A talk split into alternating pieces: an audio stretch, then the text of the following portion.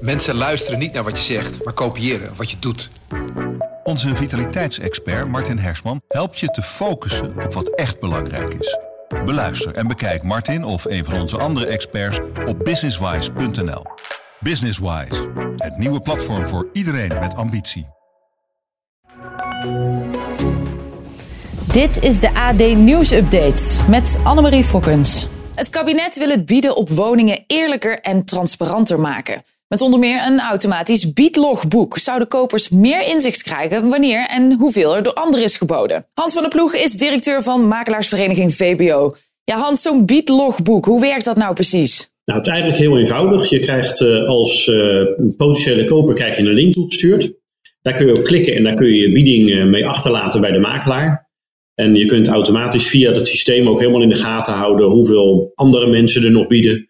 Uh, wanneer de verkoper gaat besluiten, wanneer die eh, de woning aan iemand uh, gaat uh, gunnen, zeg maar. -huh. Welke voorbehouden er zijn opgenomen en of uiteindelijk het huis gegund is, ja of nee. Oké, okay, want wat gaat er nu dan voornamelijk mis in die onderhandeling? Nou, de minister is van mening dat het in een aantal casussen niet transparant genoeg is. En ehm, ja, dat, dat er dus dingen gebeuren waar geen zicht op is.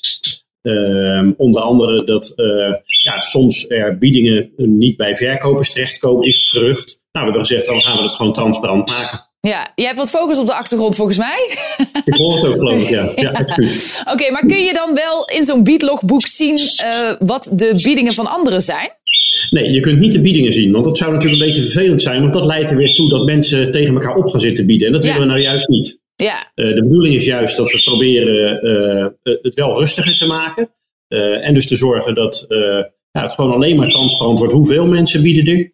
En waar wordt uiteindelijk de woning voor verkocht? En uiteindelijk die transactieprijs, die maken we wel kenbaar aan iedereen, zodra de koopovereenkomst onvoorwaardelijk is. Dus als alle ontbindende voorwaarden uit zijn, de bedenktijd voorbij is, dan gaan we tegen iedereen vertellen waar het huis voor verkocht is. Ja, dus iedereen krijgt evenveel kansen en vriendjespolitiek gaat niet meer door. Nee, dat klopt. Oké. Okay.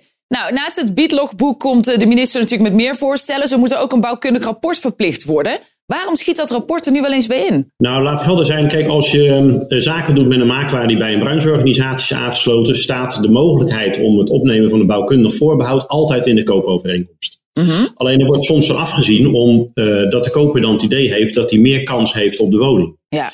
Uh, ja, wij zeggen eigenlijk tegen die minister van ja, het is misschien een beter idee dat je de kosten van een aankoopmakelaar, hè, de makelaar die je begeleidt als koper, dat je die ook fiscaal aftrekbaar maakt. En die makelaar kan dan ook inschatten of dat bouwkundig voorbehoud nodig is. Juist. En want niet in alle gevallen is dat nodig. Als je een nieuw huis koopt wat net gebouwd is, ja, dan kun je kosten maken voor een bouwkundige keuring. is een beetje zonde van je geld. Ja, het gaat met name dan om die verborgen gebreken die er nog kunnen zijn. Klopt. Ja, ja dat klopt. Oké, okay, dus hoe nou verder? Nou, wij uh, hebben deze pilot nu gedraaid met, uh, met, uh, met onze achterban. Uh, die is zeer positief uitgevallen. Hè. De, de, gebruikers en ook de consumenten dus beoordelen het met een ruime 8. Nou, we gaan er nog een beetje aan fine-tunen en dan gaan we toch echt proberen met elkaar afspraken te maken om dit gewoon te implementeren in de markt. Zodat het voortaan voor iedereen gewoon veel duidelijker wordt hoe het gaat met de onderhandelingen. Juist, gelijke kansen voor iedereen. Dankjewel, Hans van der Ploeg van Makelaarsvereniging VBO. GGD's doen steeds minder vaak bron- en contactonderzoek. En dat blijkt uit rondgang onder 25 GGD's. AD-verslaggever Marcia Nieuwenhuis. Ja, een bronnen- en contactonderzoek, dat kan natuurlijk helpen die verspreiding van het coronavirus tegen te gaan. Hè? Maar waarom voeren de GGD's dit soort onderzoeken nu veel minder uit? Ja, je moet het eigenlijk zo zien als een, uh, het corona-onderzoek is een soort dijk. En er zijn momenteel zoveel besmettingen, hè, bijna 12.000, dat die dijk overstroomt. Het, het, zijn gewoon te veel mensen die corona krijgen, zodat ze het eigenlijk niet meer bij kunnen benen. Oké, okay, want hoeveel onderzoeken worden er nog wel uitgevoerd? Afgelopen week waren er ongeveer 52.000 positieve tests. Mm -hmm. En uh, daarvan zijn er nog 32.000 uh, onderzoeken uitgevoerd. Ja. Alleen die zijn dan op een minder uh, uitgebreide schaal uitgevoerd. We hebben dus een rondgang gedaan. Er zijn 25 GGD'en in uh, Nederland. En daarvan zeggen 19 dat het is uitgekleed. En om precies te zijn, 12 hebben het echt op het minimaalste niveau. Dus je hebt uh, alarmfases. En die zitten dan zeg maar in de hoogste alarmfase. En uh, dan betekent het eigenlijk dat coronapatiënten zelf hun contacten moeten gaan informeren. Ja. En daar gaat natuurlijk minder indruk van uit dan als je wordt gebeld door de GGD van joh, er is iemand in je omgeving positief getest, die moet in quarantaine.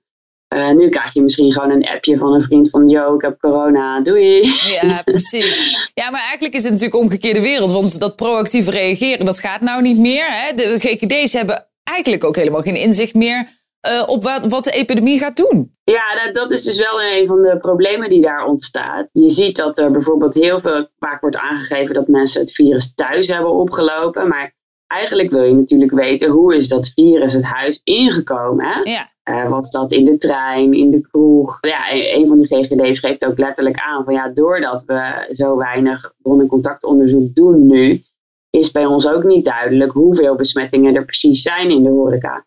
Ja, en dat is ook wat je als besluitvormer natuurlijk heel graag wil weten. Want er wordt nu gekeken van gaan we die QR-pas uitbreiden? Hè? Gaan we het niet alleen uh, in de horeca doen, maar misschien op nog veel meer plekken. Zoals uh, wat nu al is gebeurd naar uh, sportlocaties. Maar daarvoor wil je natuurlijk wel weten hoe effectief die QR-code eigenlijk is. En als we niet zicht hebben op alle besmettingen, bijvoorbeeld in de horeca, dan zou dat effect kunnen worden overschat. En dat is natuurlijk ook weer niet wat je wil hebben. Nee, nou ja, het kampen dus met een groot personeelstekort ook. Maar wat is er nou nodig om het wel goed te, te blijven uitvoeren? Is dit nog te redden of blijven we er nu achteraan hobbelen? Nou ja, wat je wel ziet is dat uh, veel mensen hebben zo'n tijdelijk contract. En die uh, zijn weer in de horeca gaan werken toen de horeca open ging. Dus wat uh, GGD-kenners, oud-directeuren ook wel zeggen, is ja, het is wel een gemiste kans, weet je wel. Het ontglipt je eigenlijk, doordat die mensen geen perspectief hebben gekregen binnen onze organisatie, kunnen we ze ook niet benutten om bijvoorbeeld duidelijk te maken dat er wordt ingezet op preventie. Hè? Deze coronapandemie heeft ook wel laten zien dat het heel erg nodig is om ook op je gezondheid te letten. Er liggen heel veel mensen met een zwaar overgewicht op de IC, uh, ja, ook daar zou je aandacht voor kunnen vragen. Dus binnen de GGD wordt wel ook echt gezegd dat het een gemiste kans is en dat het je ontglipt zo Ja. op deze manier. Ja, dat is duidelijk. Inderdaad. Dankjewel, Marcel Nieuwhuis. Sinds de QR-code belangrijker is dan ooit, neemt ook het aantal illegale QR-codes toe. Voor een paar honderd euro kunnen ongevaccineerden er eentje online op de kop tikken. AD-verslaggever Cyril Rosman die ging zelf op zoek naar die QR-codes online. Ja, Cyril, hoe makkelijk was dat nou? Uh, nou, dat is niet zo heel moeilijk eigenlijk. Althans, je, je, als je een beetje gaat zoeken op, uh, op internet of op Telegram, uh, dan kom je heel veel aanbiedingen tegen. Het kan op allerlei manieren. Er, er zijn mensen die zijn naar Duitsland gegaan bijvoorbeeld. Die hebben hier in Nederland een soort valse vaccinatiesticker op de kop getikt. Zijn naar Duitsland gegaan naar een apotheek. En daar krijg je dan gewoon een, QR, een papieren QR-code. Oh, wauw. Ja, het is ongelooflijk. Uh, er zijn ook mensen die uh, uh, in Telegram groepen worden links gedeeld naar websites waarop gewoon nou, talloze QR-codes worden gepubliceerd die je kan gebruiken. -hmm. die hebben we gecheckt met zeg maar, de officiële corona-app die ze ook in restaurants gebruiken. Ja? je, krijgt, je, krijgt, gewoon een groen vinkje, dus je kan zo naar binnen. Oké, okay, maar je moet toch ook nog je identiteitsbewijs laten zien? Dus zit daar die controle dan niet meer op? Um, nou, heel vaak niet. Ik bedoel, kijk naar, ik weet niet wat jouw ervaringen zijn, maar mijn ervaringen zijn wel dat je heel vaak gewoon naar binnen kan lopen. Dat je je QR-code moet laten zien, maar dat niemand je, je ID checkt. Er worden ook QR-codes inderdaad aangeboden, daar staan initialen bij. Dus als je goed zoekt, dan kan je misschien nog je eigen initialen vinden ook. Oh, wauw. En wat betaal je daar dan voor, voor zo'n illegale QR-code? Nou, die, diegenen die online staan, die, die, die zijn gratis. Maar goed, daarbij loop je natuurlijk wel het risico dat die soms gewoon niet werkt. -hmm. Kijk, als je, als je het echt goed uh, en uiteraard illegaal wil aanpakken, dan moet je via via gaan benaderen uh, mensen die bij de GGD werken of bijvoorbeeld die in een huisartsenpraktijk uh, werken. En zo gebeurt het ook vaak. Er zijn mensen die, die, die 400, 500 euro aftikken om zo via via in contact te komen met frauderende GGD'ers. Ja, die zetten dan in het systeem een vinkje bij jouw naam. Dan ben je opeens gevaccineerd en kan je gewoon een, een QR-code downloaden in de, in de app. Ja, zo zie je maar, alles is te koop. Is er überhaupt duidelijk hoeveel van dit soort illegale QR-codes er in omloop zijn? Nee, dat, dat is onduidelijk. Kijk, er zijn um, in Nederland 1,8 miljoen mensen nog onge, ongevaccineerd. Dus nou, dat is natuurlijk een hele grote groep van mensen die dat zou kunnen doen. De overgrote deel zal, zal het niet doen. De politie doet onderzoek naar dit soort dingen. We hebben ook aan ze gevraagd, bijvoorbeeld, en ook aan de GGD, van nou ja, weet je, hebben jullie zicht op van hoeveel van dit soort valse QR-codes zijn er nou uh, verstrekt? Nou, daar wil ze niks over zeggen in, in belang van het onderzoek. Maar ja, ik, ik denk wel dat het om, om duizenden mensen gaat die dit soort dingen proberen. Ja.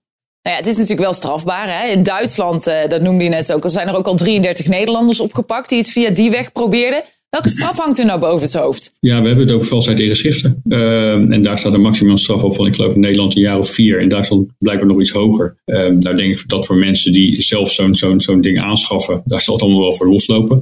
Ik vermoed dat de politie en justitie vooral gaan inzetten op de mensen die dit, die dit aanbieden. Door als jij een, een frauderende GGD'er bent die misschien wel tientallen mensen tegen betaling hebt geholpen aan, aan valse vaccinatiebewijzen. Ja, dan vermoed ik dat je een forse straf tegemoet kan zien. Er is dus ook in ieder geval één GGD'er is daarvoor opgepakt. Er zijn een aantal die zijn op, op non-actief gezet. Er zijn een aantal um, frauderende huisartsassistenten ook, ook aangehouden. Daar zijn nog geen rechtszaken van geweest. We hebben het nagevraagd bij de politie. Maar die zeggen van nou, die, die, die moeten nog komen. Het onderzoek loopt nog.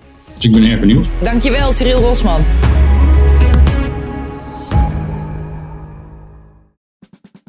Luister ook naar onze podcast Politiek Dichtbij. In een half uur praten we hierbij over de stand van zaken op het Binnenhof. En niet alleen vanuit de wandelgangen in Den Haag, maar ook vanuit een regionaal perspectief.